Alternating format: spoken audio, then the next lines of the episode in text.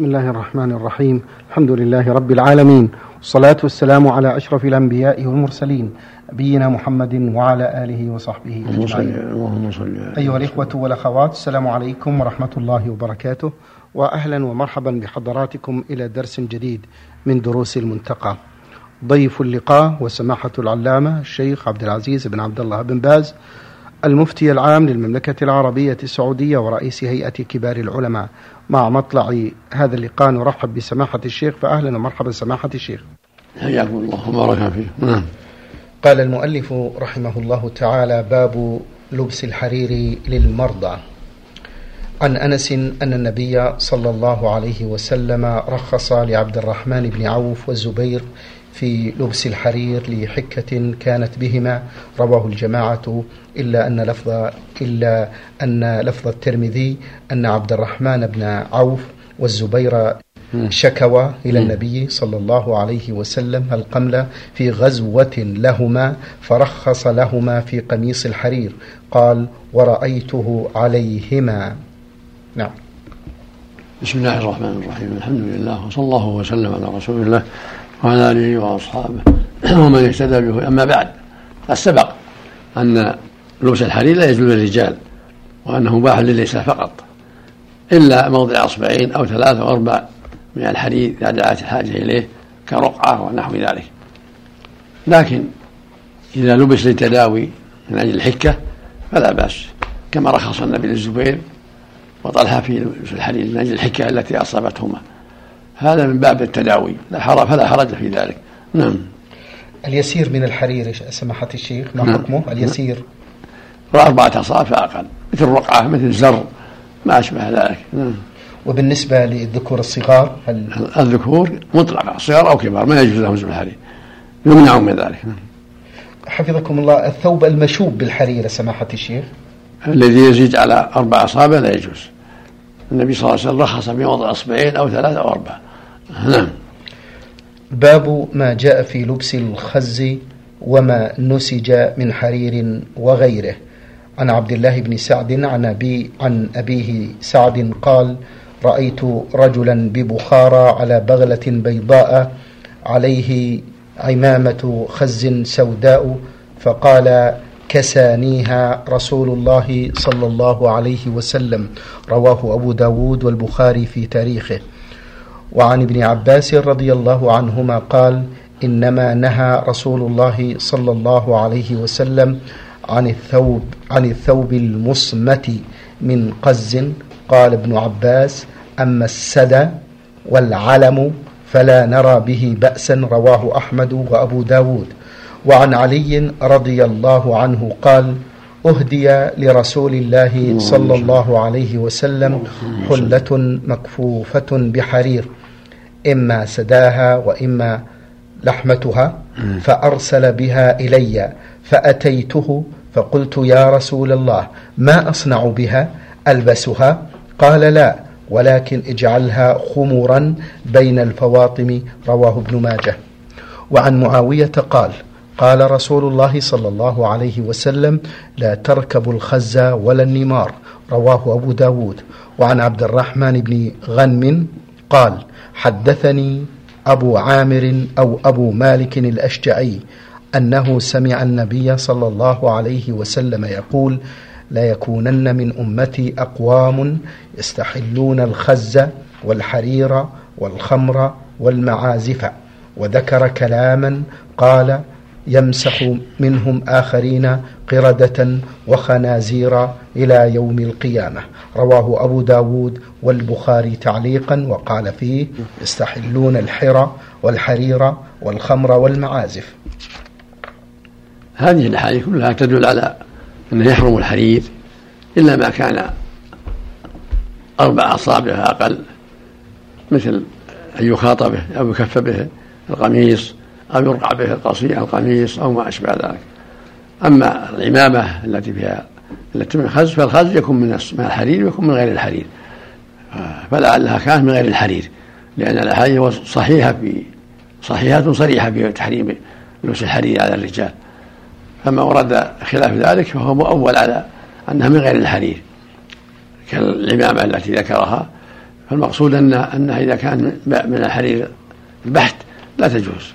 إلا بوضع إصبعين أو ثلاثة أو أربعة كما في الحديث الصحيحة والعلم لا بأس به علم الحرير لا بأس به جر الحرير لا بأس به لأنه شيء قليل. أحسن الله إليكم. نعم.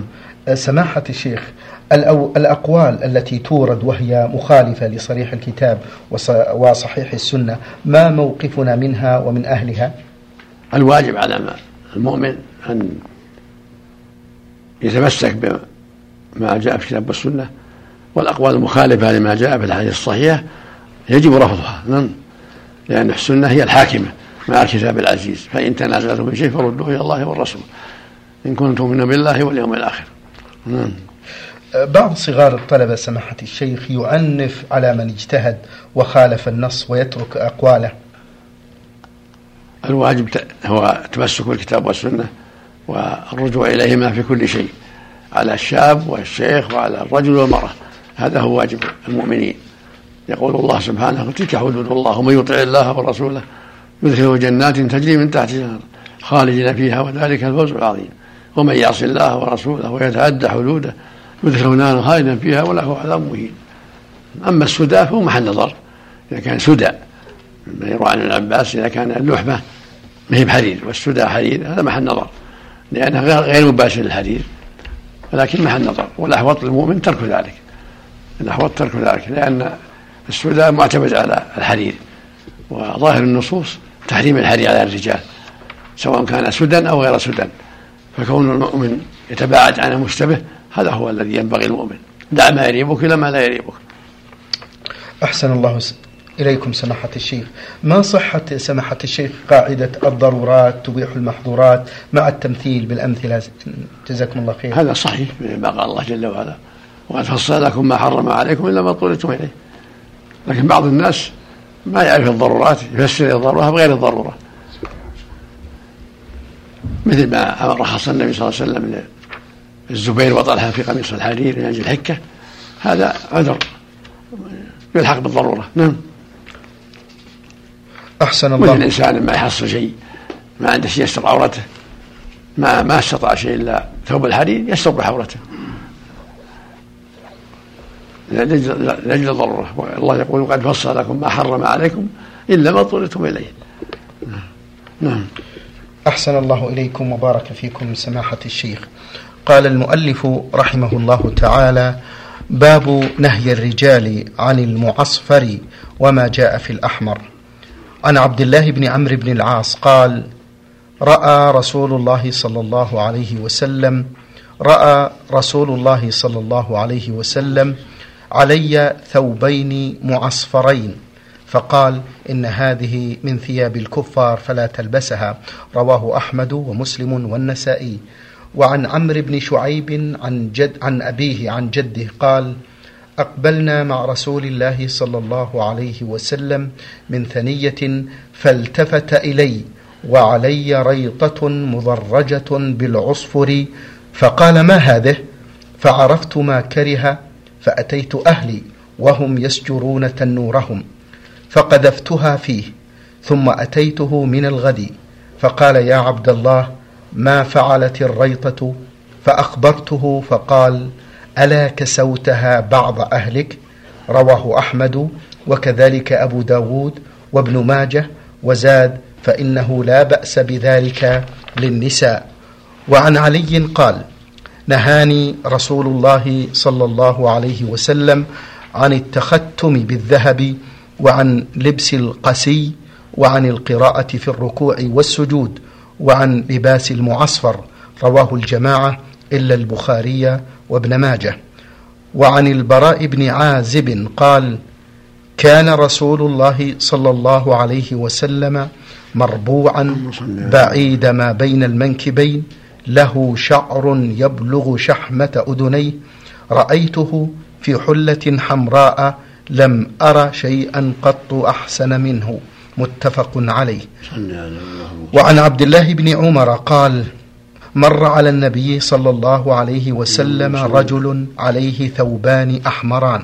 فسلم فلم يرد النبي صلى الله عليه وسلم عليه. رواه أبو داود والترمذي وقال معناه عند أهل الحديث أنه كره المعصفر. قال ورووا أن ما صبغ بالحمرة من مدر أو غيره فلا بأس به إذا لم يكن معصفرا. هذه الأحاديث كلها تدل على أن المعصفر من لبس النساء والمنس الكفار. لا يلبسه المؤمن بل هو من لبس النساء والكفار. ولهذا أنكر النبي على عبد الله بن عمرو لبس المعصفرين فلا يجوز لبس المعصفر إلا للنساء خاصة.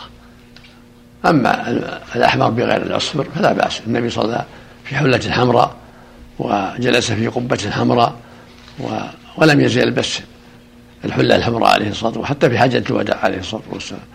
فالأمر فيها واسع. الحمرة بغير العصفر. نعم. أحسن الله إليكم. المسخ قردة وخنازير سماحة الشيخ هل هو حسي؟ وهو يقول يستحل الحرة والحرير. الحر الفرج الحرام الزنا والحرير والخمر والمعازف يعني في آخر الزمان يبتلى الناس بهذا.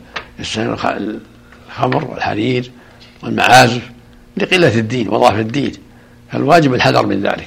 لا يجوز استعمال المعازف آلات الملاهي ولا لبس الحرير للرجال ولا تعاطي الزنا. كل هذا محرم معروف. والشاهد من في الباب من الحرى والحرير والحرير. لأنه ممنوع محرم على الرجال لكن في آخر الزمان يأتي ناس يستحلونه لعدم مبالاتهم ب... لعدم مبالاتهم بالسنة والشرع. نسأل الله. وكما يستحلون الخمر والمعازف والزنا لعدم الدين. نعم الله المستعان. الله المستعان سماحة الشيخ حقيقة أود أن أسأل عن المسخ قردة وخنازير. هل هو حسي أم معنوي؟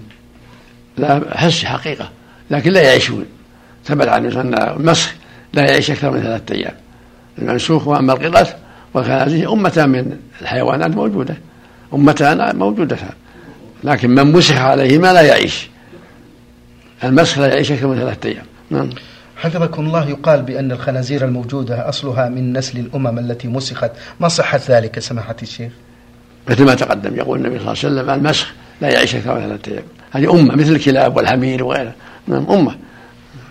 وأود أن أسأل قردة وهذه أمتان من مثل أمة الكلاب والسنور والوبر والكلب والحمار أمة أمة من العلم نعم.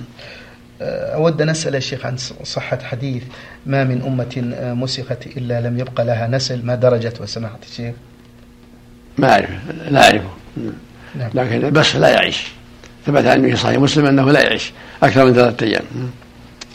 وحديث يا شيخ إنما يخشى الذي يرفع رأسه قبل إمامه أن يحول الله صورته صورة حمار. ما معنى الحديث هذا؟ هذا تحريم من المسابقة. لا يجوز المأموم يسابق الإمام. يقول صلى الله عليه وسلم أما يخشى الذي يرفع رأسه قبل الإمام أو أن يحول الله رأسه رأس حمار أو يجعل صورته صورة حمار. هذا وعيد. يجب على المأموم أن لا يرفع حتى يرفع إمامه. لا يسابق الإمام في الصلاة يعني. نعم. شيخ حفظكم الله هل استحلال المحرمات توجب الكفر؟ إذا كان محرم معلوم بالنص يكون كافر من استحله كمن استحل الزنا أو الخمر يبين له الأدلة فإذا أصر كفر بذلك. أما إذا كان الشيء في خلاف لا ما ما يكفر. أما إذا كان الأمر واضح مجمع عليه مقطوع مقطوع من الدين من تحريم الزنا تحريم الخمر فالذي يستحله يكون كافرا بعدما يبين له الأدلة وتقام عليه الحجة. حفظكم الله. قصة أصحاب السبت شيخ لعلكم تشيرون إلى شيء منها وما هي العبرة منها؟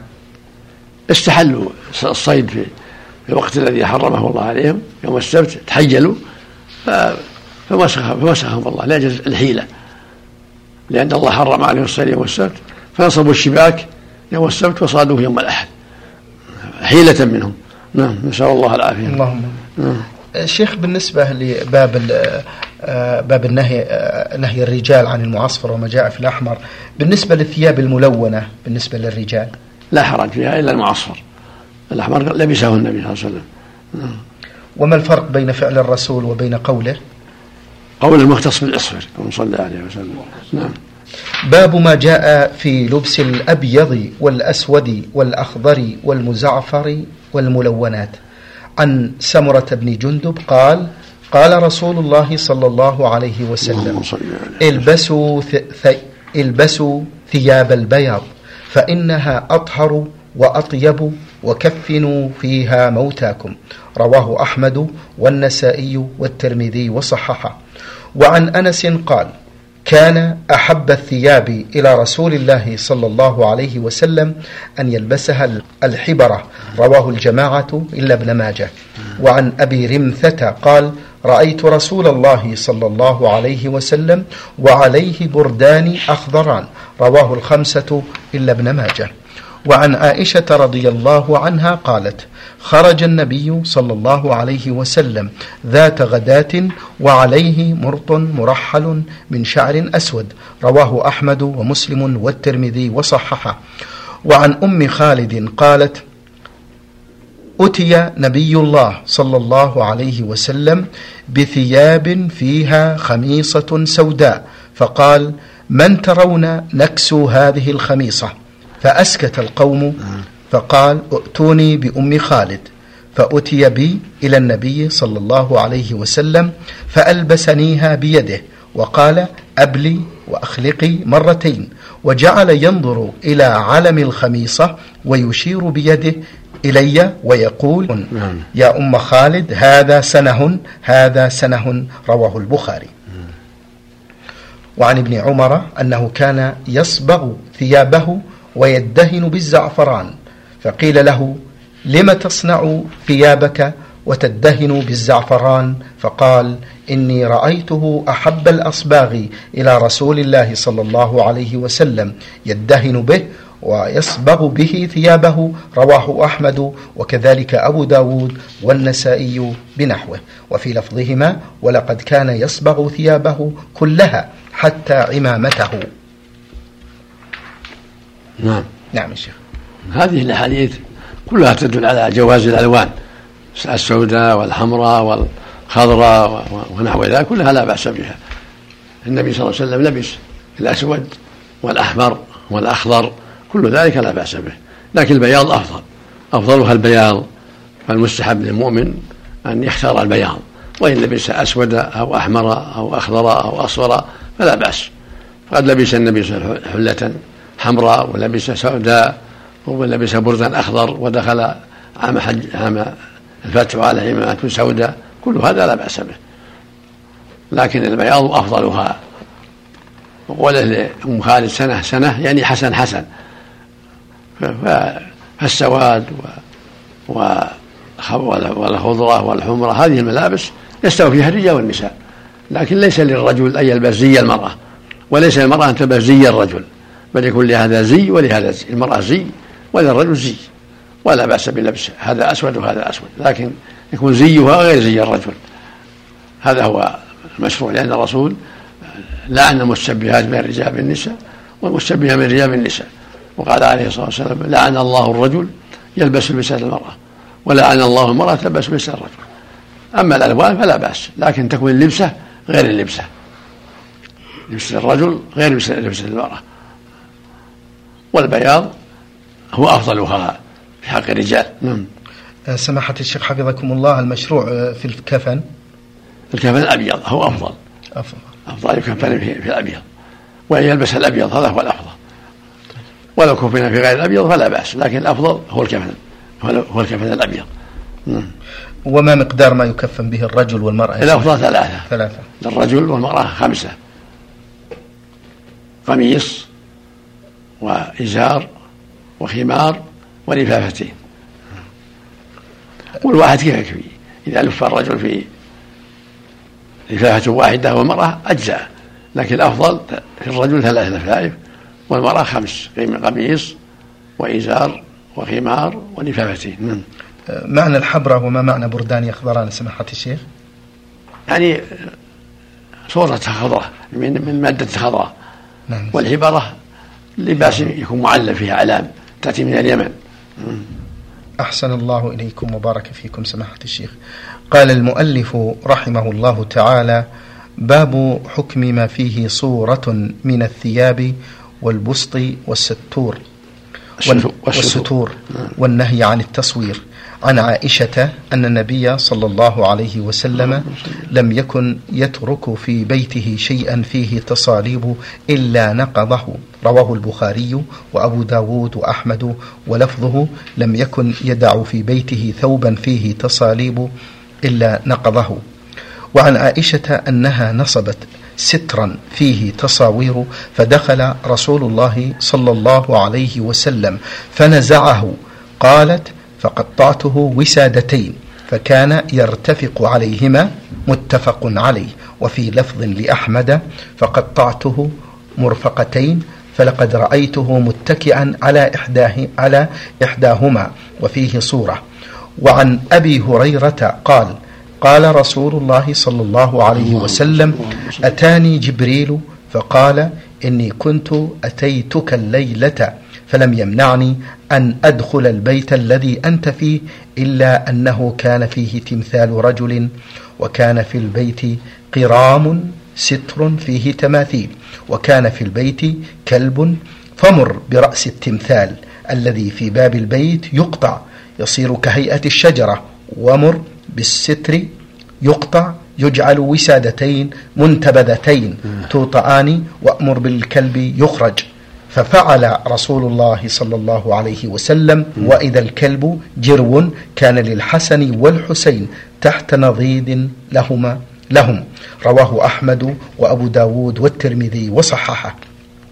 وعن ابن عمر أن رسول الله صلى الله عليه وسلم قال الذين يصنعون هذه الصور يعذبون يوم القيامة فيقال لهم أحيوا ما خلقتم.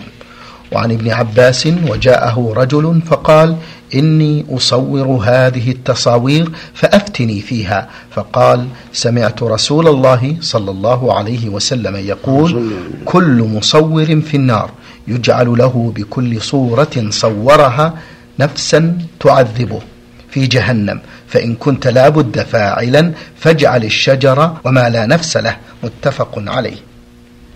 وهذه هذه الأحاديث كلها تدل على تحريم استعمال الصور وأن لا يجوز التصوير لذوات الأرواح ولا جعل الصور في البيت في الجدران أو في الستور بل يجب إزالة ذلك.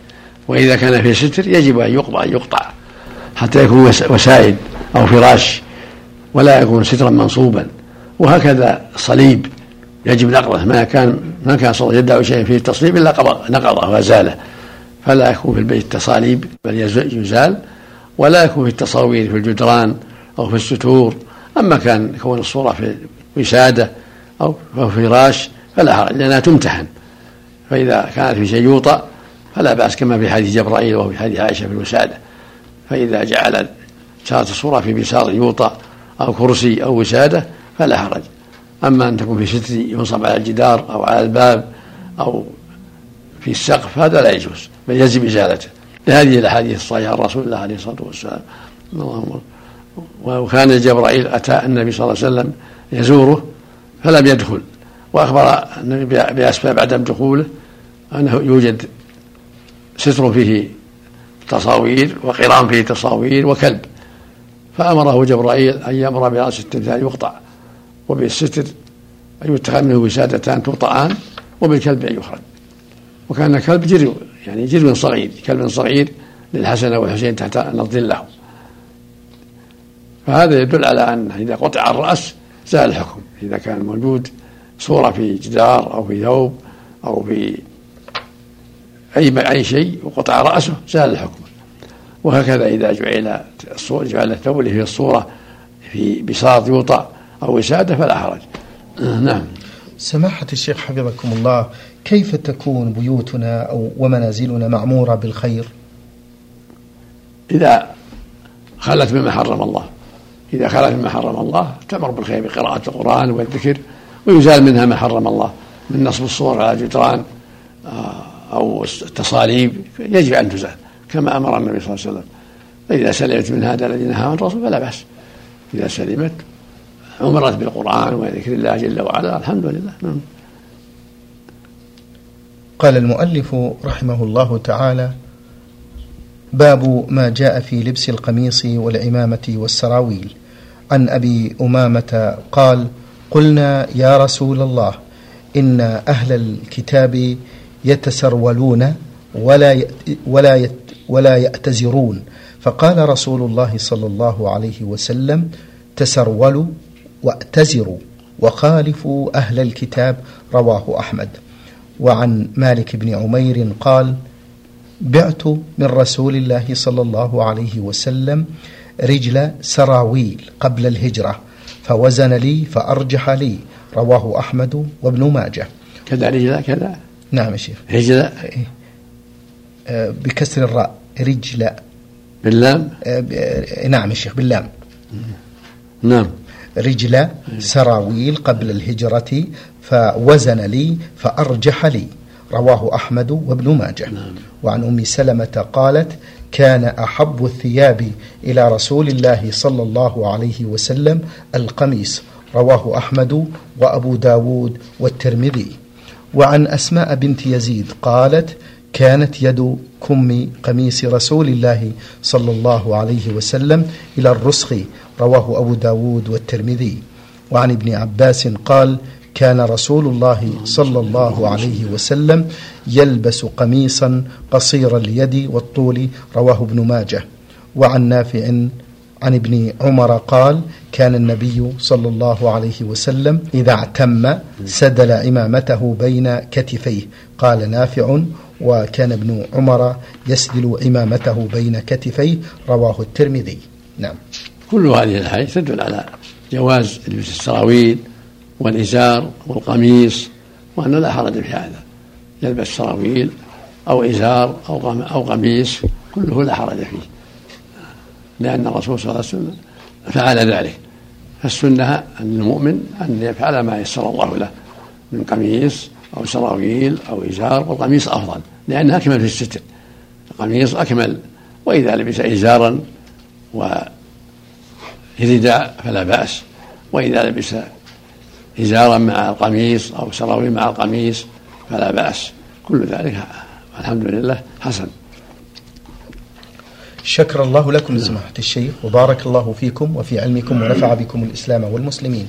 أيها الإخوة والأخوات كان معنا في هذا الدرس الطيب المبارك من دروس المنتقى سماحة العلامة الشيخ عبد العزيز بن عبد الله بن باز المفتي العام للمملكة العربية السعودية ورئيس هيئة كبار العلماء. شكر الله لسماحته وشكرا لحضراتكم أنتم أيها الإخوة والأخوات. تقبلوا تحيات زميلي مهندس الصوت سعد بن عبد العزيز بن خميس والسلام عليكم ورحمة الله وبركاته.